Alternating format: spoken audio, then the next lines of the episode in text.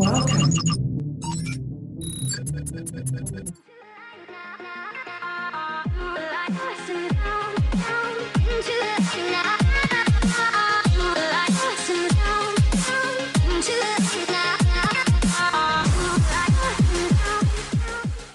X Factor Podcast.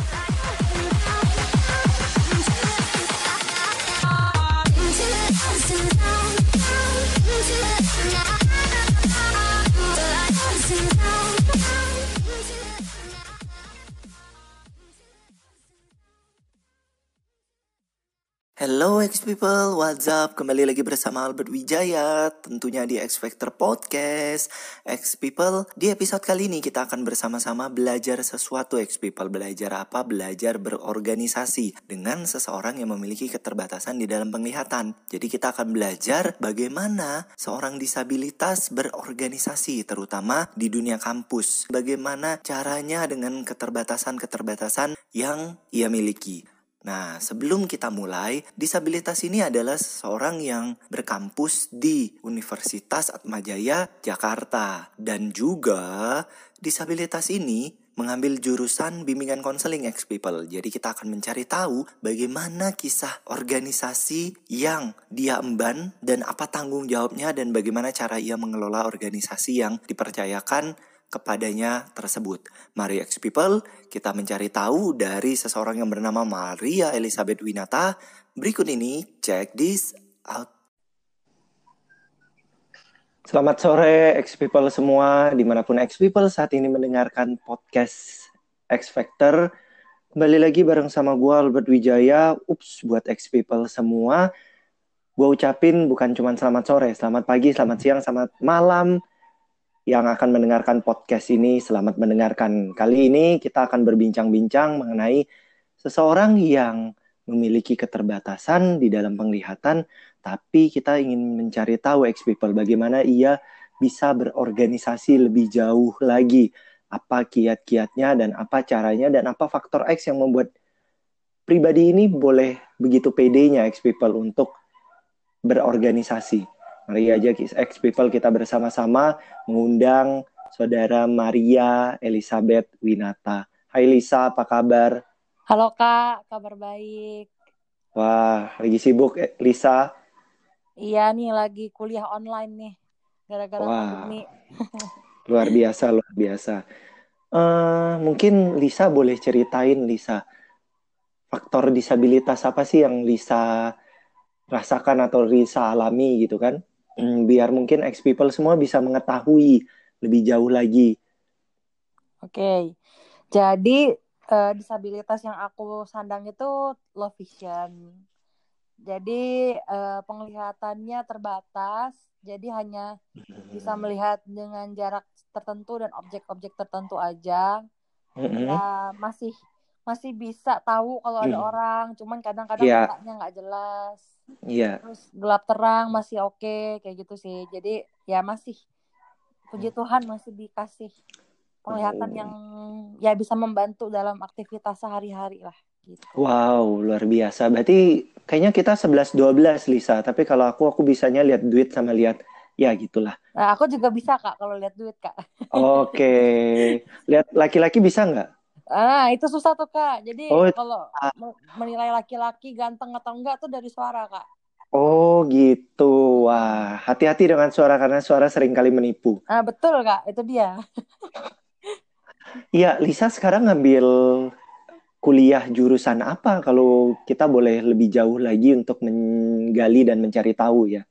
Oke, aku ngambil jurusan yang selama ini mungkin teman-teman ketemunya itu pekerjaannya di sekolah yaitu BK, bimbingan dan konseling gitu. Wah, berarti ex people semua yang lagi stres karena pandemi COVID-19 boleh konseling kepada Lisa ya. Silahkan, monggo. Ya, jadi apa sih yang dilakukan Lisa di dalam proses perkuliahan di tengah kondisi Lisa yang ya maaf aja ya ex people kita bisa katakan Lisa ini sebagai seorang disabilitas. Yes. Apa yang dilakukan ya? Uh, sebenarnya yang dilakukan sama aja seperti teman-teman non disabilitas yang lain. berkuliah, datang ke kampus setiap hari, mengerjakan tugas-tugas yang numpuknya setinggi gunung gitu ya. Iya. Tapi bedanya ya hanya memang kita menggunakan cara atau metode yang dimodifikasi sesuai dengan kemampuan kita. Misalnya soal tugas-tugas yang bergambar, uh, kita dengan dengan rendah hati minta tolong dosen untuk menjelaskan ini diapain ya gitu. Jadi hanya hmm. caranya saja yang berbeda, cuman untuk tingkat kesulitan, semua tugas-tugas banyaknya semua sama gitu. Jadi hanya beradaptasi dengan caranya dan juga ya kita harus adaptasi sama teman-temannya misalnya kalau kita mau minta tolong ya kita harus ngomong kalau kita butuh bantuan karena kalau kita diam aja kan nggak mungkin orang tahu gitu jadi kita harus yeah. aktif gitu mm. kuncinya mm-hmm. oh kirain kan kalau diam aja gitu kan pakai suara hati gitu siapa tahu kan teman-teman pada mengerti gitu kan nah dulu pernah kak cuman nggak nggak ngaruh karena oh ya, nggak ngaruh kalau kuliah itu ya kalau misalnya hmm. aku boleh nilai ini tuh individualis banget udah mulai pada sendiri sendiri wah jadi udah saking banyaknya tugas ribet jadi udah nggak mikirin lagi kanan kiri gitu nah aku dapat info dari orang dalam intelijenku itu uh, mendapatkan info Lisa bahwa Lisa itu juga masuk di dalam organisasi di di kampus sendiri ya yes. organisasi apa Lisa kalau kita boleh uh, tahu dan ya ingin tahu lah mungkin semua kan ex people semua. Oke, okay, jadi uh, organisasinya itu sebenarnya organisasi kemahasiswaan pada umumnya. Jadi kan setiap mm -hmm. setiap jurusan itu pasti punya kelompok organisasi macam osis gitulah ya. Iya. Jadi aku kebetulan ikut per, uh, organisasi jurusan bimbingan dan konseling dan ya itu. Jadi di sana dapat peran untuk mengerjakan banyak program dari organisasi tersebut kayak gitu. Oh, lebih kayak BEM gitu ya? Kenapa? Uh, kalau BEM itu kalau di di tempatku tuh BEM itu mewakili satu fakultas. Jadi tuh uh, organisasi besarnya fakultas. Kalau aku lebih kecilnya lagi, jadi himpunan mahasiswa program studi gitu. Hmm, lah, Lisa, Lisa kan ikut organisasi seperti itu. Dengan keterbatasan atau dengan disabilitas yang Lisa miliki, bagaimana sih uh, tantangan di dalam organisasi tersebut untuk Lisa berada di dalam sebuah organisasi yang pastinya Lisa sendiri atau atau ada teman-teman lain yang disabilitas juga? Oke, kalau di organisasi yang sekarang ini aku memang benar-benar pure sendirian. Seingat aku hmm. di semua uh, di semua angkatan yang punya apa punya mahasiswa disabilitas dosen-dosen juga bilang kayaknya baru aku doang deh yang terjun ke himpunan mahasiswa itu jadi hmm, uh, kesulitannya yang jelas karena kan kebetulan kan aku kan sekarang ini kan uh, jadi koordinator bidang penalaran ilmiah otomatis aku harus mengkoordinir uh, staff-staff aku yang Eh, itu adalah adik kelas adik tingkat hmm. gitu kan nah di situ susahnya adalah kalau teman seangkatan kan udah biasa ya kak lihat aku keadaannya seperti apa mereka udah yeah. paham kalau adik kelas kan mereka kan masih ya mereka tahu aku disabilitas tapi mereka nggak pernah berinteraksi sama aku langsung jadi gimana mereka hmm. tahu gitu tapi puji Tuhan pas aku udah mulai berproses di sana aku mau komunikasikan ke mereka akhirnya kesulitan kesulitannya sih sebenarnya lebih ke dalam diri sih kak ragu takut hmm. udah gitu juga hmm. memang kadang ada pekerjaan di divisi aku tuh yang memang butuh penglihatan kayak beres-beres perpustakaan label-labelin buku itu kan butuh bantuan cuman yeah. itu karena kita kerjanya nggak sendiri dan kita mau terbuka untuk menjelaskan oh tolong bantuin aku dong aku nggak bisa kayak gini gini gini pasti dibantuin kayak gitu Hmm, tapi kan kalau menjadi seorang koordinator itu kan ya menurut aku ya Lisa, hmm. menurut aku sendiri ketika kita menjadi seorang koordinator itu bakalan uh, membutuhkan apa ya penglihatan kita kan ketika kita harus mencari rekan kita, mencari partner kita. Bagaimana Lisa mencari atau menemukan partner Lisa ketika Lisa akan melakukan sesuatu tugas atau hal-hal di dalam organisasi tersebut.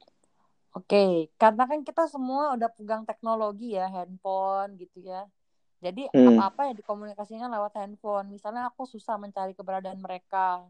Kalau sekarang kan Hmm. kita via handphone ya. Cuman kan waktu di kampus kan susah ya. Jadi ya lagi-lagi harus via N punya via WA group misalnya. Ayo ketemu yuk, kita ketemu di ruangan ini, ada yang mau diomongin, bla bla bla bla. Jadi komunikasi sih lebih ke komunikasi.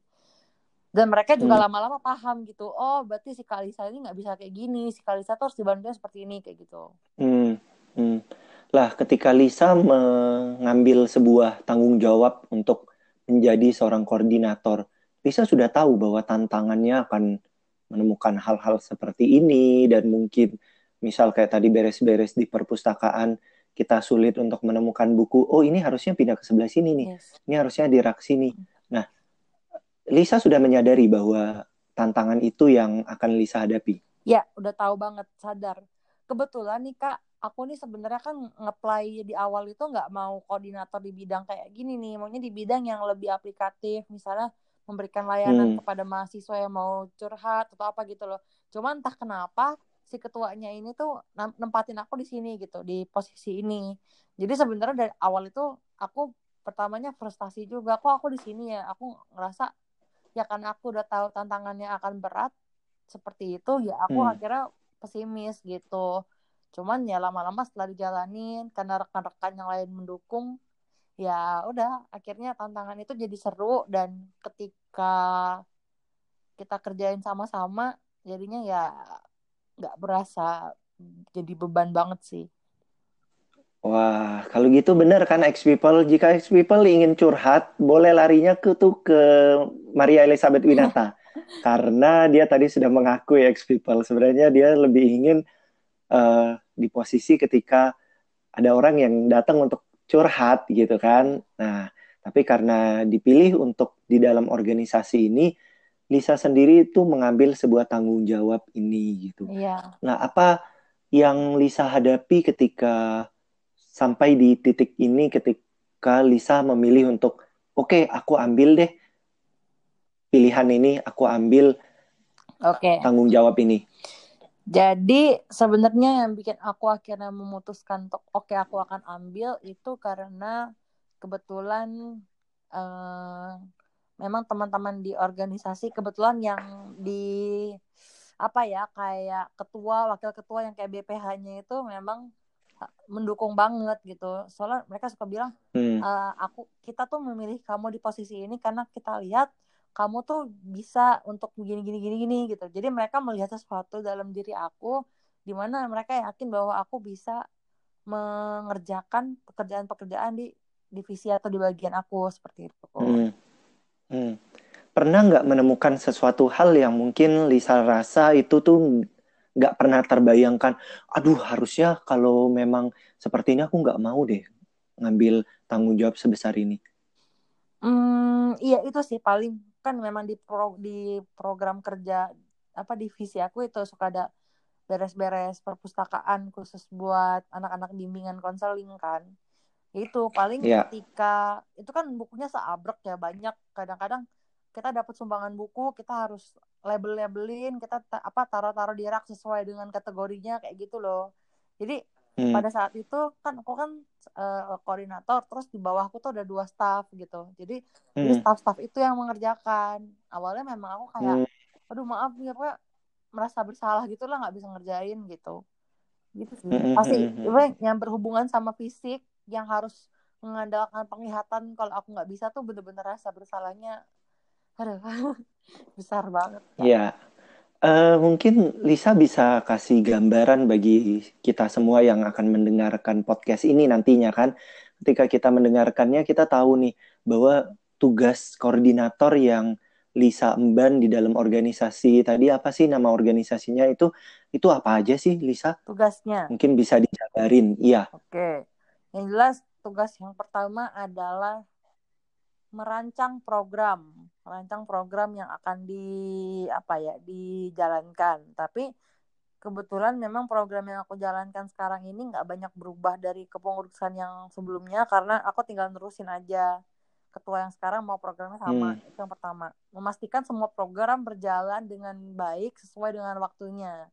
Nggak boleh ma nggak boleh Hmm. ngaret pokoknya kalau udah ngaret tuh tuh pasti Hmm. diocehin gitu kamu gimana sih gini gini gini terus habis itu Iya. yang kedua itu mem- mengkoordinasi ba- apa bagi job desk ke staff-staff. Oh kamu koordinat kamu koordinasi bagian yang ini kamu koordinir bagian yang ini nanti aku gini gini gini. Terus yang ketiga yang paling sulit karena aku, kan aku juga sibuk kuliah ya tapi di setiap kali ada masalah sama anggota sama staff aku tuh aku harus tahu. Jadi aku harus banyak tanya ke mereka gitu mantau kamu gimana kuliahnya oke nggak kamu kamu ada masalah apa kok kamu jadi nggak produktif jadi aku benar-benar harus mengayomi mereka gitu sebagai koordinator supaya mereka tetap semangat bekerja gitu Hmm, mungkin paling itu sih ketik-. Iya, tadi mungkin Lisa em, berkata mengenai yang program itu kan Lisa. Iya. Mungkin program seperti apa sih yang dilakukan oleh Lisa dan teman-teman sehingga Lisa sebagai seorang disabilitas itu tuh mampu untuk melakukan setiap menjalankan lah, menjalankan setiap program yang kata Lisa itu sudah program yang setiap tahun eh, bukan setiap tahun deh, mak lebih kayak itu Lisa tinggal menjalankan gitu kan. Iya, udah jadi udah jadi tradisi lah gitu loh ceritanya. Iya, iya. Oke, gimana? Eh, tadi apa kak? Gimana kak? Lebih ke program apa sih Oh, gitu yang Lisa lakukan Iya gitu. Oke, jadi kalau di jurusan di jurusanku itu kan kita lebih banyak menganalisis tentang manusia, tentang perilaku Hmm. manusia, ya teori-teori psikologi, pendidikan, teori-teori konseling. Jadi programnya itu yang pertama ada bedah film. Jadi kita mencari sebuah film. Sebenarnya mungkin harusnya filmnya tuh genre psikologi. Jadi film Hmm. yang memang berhubungan sama mental illness atau masalah dalam keluarga atau apa. Cuman kita biasa Hmm. juga pakai film-film yang lagi populer sih. Jadi kita analisis film itu dengan teori konseling atau teori pendidikan atau teori psikologi. Jadi Hmm, Hmm, terus yang kedua ada bikin artikel bulanan di Iya. Instagram. Jadi kita sharing knowledge via Instagram. Kan Instagram kan potensi untuk orang lihatnya besar kan ya. iya. Jadi kita memang bikin artikel singkat di apa di didesain dengan apa aplikasi buat fotogra apa edit edit foto didesain sedemikian rupa tulisan-tulisan terus di, di, di apa diupload ke Instagram. Jadi sebenarnya tugasnya utamanya itu terus satu lagi paling itu yang beres-beres perpustakaan eh, khusus buat prodi bimbingan konseling jadi mastiin bukunya nggak ada yang hilang yang minjem siapa Iya. gini gini gini gitulah kira-kira tiga itu sih Oh, mm-mm. Berarti yang Lisa maksud mencari film itu film-film drakor, The Word of the Merit yang lagi viral itu juga gitu. sebenarnya itu bisa bisa semua film bisa kok dianalisis Oh, jadi kita memang berarti semua film bisa. Mm-mm. kita bisa mencari ya supaya menarik ya kita harus cari sesuatu yang memang update gitu Iya, berarti ex people semua yang sedang menyaksikan The Word of the Merit, jika ingin dianalisa filmnya, boleh menghubungi Lisa Nah, kembali aku gitu kan. nonton juga tuh. Aku belum nonton. Aku jarang nonton film Korea soalnya. Nanti Iya, coba iya. dicari dicari. Nah, tadi Lisa berbicara mengenai poin ketiga bahwa Lisa harus juga mengetahui staff-staff yang Lisa eh, bawahan lah, ibaratnya staff-staffnya Lisa sendiri gitu kan. Yes. Bagaimana dia, berarti tidak boleh tugas organisasi ini tidak boleh mengganggu aktivitas kuliahnya itu sendiri. Lisa harus memastikan itu. Betul. Jadi kalau misalnya mereka punya hambatan di tugas, jadi mereka nggak bisa mengerjakan tugas divisi ya udah. Maksudnya jadi aku yang harus rekap seperti itu loh. Jadi ya membuat mereka bekerja senyaman mungkin, tapi tetap aku harus tekankan, oh kamu udah kamu udah komitmen masuk eh, organisasi ini, kamu harus jalanin gitu. Tetap Hmm, tegas, tapi memastikan bahwa mereka baik-baik aja gitu. Berarti juga ketika staff antar staff itu terjadi sesuatu hal slack gitu, Lisa juga harus menjadi Penengah. penengah di antara mereka. Iya, mereka. betul. Hmm, hmm. Pernah dapat kejadian seperti itu nggak? Hmm, kalau misalnya berselisih paham sampai berantem-berantem sih enggak sih. Paling em, hubungannya udah nggak lekat. Jadi misalnya yang tadinya seminggu kita bisa Nggak lekat oleh waktu. soal kelekatan sih. Jadi kayak misalnya Oh. uh, kita seminggu bisa kumpul 2 sampai tiga hari, 2 sampai tiga kali gitu dalam seminggu buat ngobrol-ngobrol Mhm. aja. Jadi aku punya kebiasaan selain ngomongin program kerja, kita boleh sharing-sharing bareng, ter- terserah mau sharing tentang kehidupan sekarang mau gimana apa lagi apa yang terjadi, terus mau sharing tentang film drama Korea atau apa ya boleh terserah. Yang penting kita bangun hubungan dan kedekatan. Udah gitu akhir-akhir Hmm. ini Hmm. si dua staff ini karena mungkin sibuk dan punya masalah pribadi juga akhirnya mereka jadi mulai renggang satu sama lain udah gitu paling ada Oh. perasaan sih kayak kok lu nggak itu sih kok lu nggak nggak bantuin gua gini gini gini Hmm. cuman kalau sampai yang kayak berantem berantem gitu sih nggak pernah sih Hmm. Hmm. Nah, berarti Lisa cuma punya dua staff gitu Iya. kan? Nah, sekarang ketika Lisa berkata Lisa adalah seorang yang mengambil jurusan bimbingan konseling, coba deh, misalkan kita tantang ya ex people, ada satu kejadian di antara dua staff itu dan akhirnya berantem, apa yang akan Lisa lakukan sebagai seorang koordinator dan sebagai seseorang yang mengambil ilmu di jurusan konseling? wah berat ini pertanyaannya oke jadi eh sebenarnya tuh dia apa di tempat aku tuh belajar juga soal psikologi organisasi atau konseling yang khusus untuk organisasi seperti ini. Yang jelas Iya. kalau kita ketemu masalah seperti itu, kita tidak bisa menghadapkan dua-duanya sekaligus sama kita. Itu akan Hmm. sulit, apalagi kalau masalahnya sudah berat dan sudah menumpuk, sudah di sudah mengendap gitu ya. Itu bakal sangat Iya. susah. Pasti mereka akan Tinggal waktunya salah-salahan. meledak. Betul. Makanya caranya sebenarnya adalah kita harus dekatin satu-satu. One by one. Hmm, Pribadi lepas pribadi kita harus deketin, kita tanyain kenapa, kamu kenapa, apa yang mengganggu Mm-mm. kamu, bla bla bla bla bla. Jadi misalnya dua orang ini kita tanyain satu-satu. Lalu ya kita kita rancang bagaimana eh, akhirnya si dua keinginan dari masing-masing orang ini bisa di- bisa dicari jalan tengahnya. Setelah masing-masing udah Mm-mm. mengutarakan kan udah lumayan lega tuh. Nah, itu baru Iya. mulai coba kita perlahan-lahan satukan. Tapi mungkin nggak langsung Hmm. mendalam tuh nyatuinnya nggak langsung sasaran ke situ. Tapi mungkin ngadain kegiatan yang ringan-ringan dulu, makan bareng atau apa. Nanti Hmm. kalau misalnya memang sudah mulai merasa nyaman, baru kita Mm-mm. mulai berbincang-bincang yang lebih serius kayak gitu. Oke, jika ada staff yang berada di bawahnya Lisa mendengarkan podcast ini, mungkin boleh ya dibikin adegan untuk berdua saling eh, diam-diaman gitu, biar Lisa boleh terjun langsung praktek. bisa, bisa, bisa, bisa. Ya, jadi para staff yang menjadi ex people di podcast ini, silahkan yang mendengarkannya boleh dilakukan gitu kan. Ini diizinkan kok, diizinkan. Tuh, diizinkan malah gitu kan. Jadi ex people kita akan coba gali lebih jauh lagi gitu kan. Kenapa minat atau keinginan Lisa ini nih ngambil di dunia konseling. Ya, jadi kita akan lebih menggali lagi dunia konseling dari diri Lisa.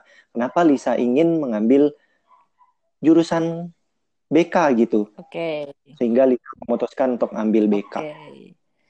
Eh, sebenarnya awalnya karena eh, pernah dapat pembulian semasa sekolah. Lalu eh, Hmm, kebetulan aku punya satu kakak rohani di gereja.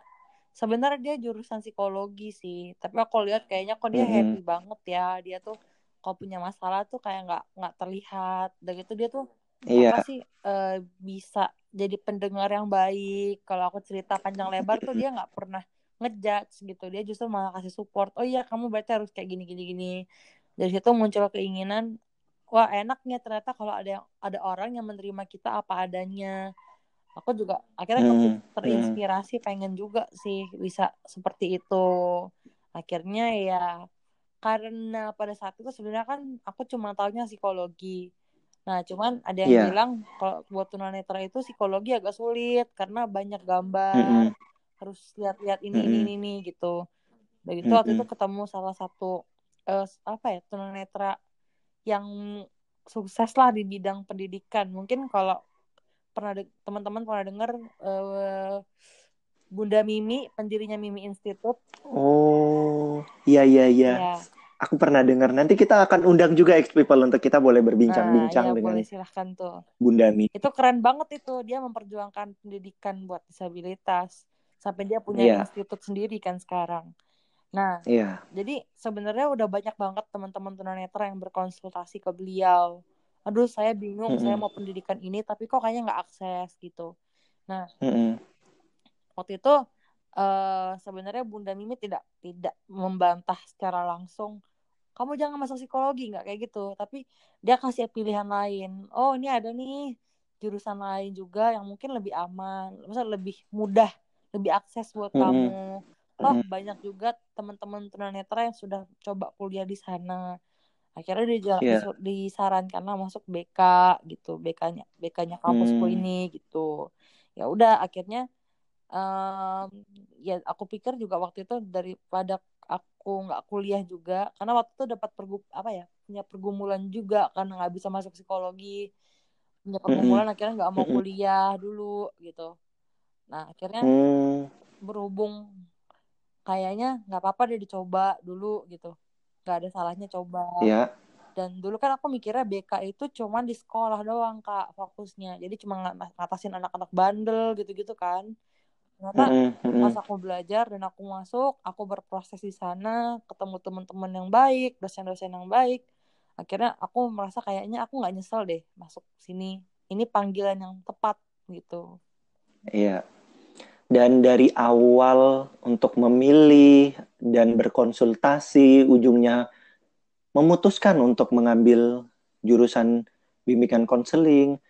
Dan di situ proses demi proses akhirnya bisa berorganisasi dan boleh ya menjadi manfaat juga lah di tengah disabilitas atau di tengah tanda petik keterbatasan yang mungkin Lisa hadapi gitu kan. Mm-mm. Nah, Lisa, sebelum kita mengakhiri episode ini bersama dengan Lisa, semua orang bakalan aku tanyain hal seperti ini juga. Jadi pertanyaannya simpel. Faktor X apa yang membuat Lisa bisa ada sampai di titik ini? oke faktor X apa sebenarnya faktor X-nya itu lebih kepada keinginan untuk terus meningkatkan kemampuan diri Hmm, Jadi jangan pernah cepat merasa puas. Aku udah sampai posisi ini aku puas. Enggak, justru itu adalah satu langkah kecil lagi yang bisa aku capai ketika aku mau berusaha. Dan ternyata Iya. setelah aku mengalami proses yang misalnya kayak aku akhirnya puas nih udah ah sampai sini aja. Ternyata berikutnya aku Mm-mm. ketinggalan lagi sama orang lain. Orang lain udah udah Hmm. ngebalap lagi gitu loh. Jadi ya itu Iya. mau terus mau belajar jangan cepat puas itu sih yang bikin aku akhirnya itu faktor X yang buat aku bisa sampai sekarang gitu. Wow, luar biasa ya Lisa. Sesuatu hal yang sangat berharga banget yang kita bisa ambil bahwa jangan pernah puas. Terus menggali, terus belajar. Hmm. Karena ketika kita puas, kita akan merasa bahwa ternyata kita sudah tertinggal, Betul. bahkan jauh tertinggal dibandingkan orang-orang yang lain. Ya. Thank you banget Lisa, X People. Demikianlah perbincangan gue bersama dengan Lisa. Seseorang yang sangat memotivasi kita dan sangat menginspirasi tentunya X People di mana kita belajar untuk terus berkomunikasi di tengah apa pun yang sedang kita alami, terus mau mengakui diri kita ketika kita sadar bahwa kita itu adalah seorang yang memiliki keterbatasan, sadari dan akui itu X people sehingga ketika kita bisa masuk di dalam dunia itu kita memiliki sesuatu yang boleh itu menjadi manfaat bagi banyak orang X people semua. Juga pesan yang sangat luar biasa dari Lisa ketika kita bisa terus belajar dan jangan pernah puas dengan apa yang sudah kita miliki dan kita dapatkan. Thank you banget Lisa sekali lagi. Iya, thank you. Yup.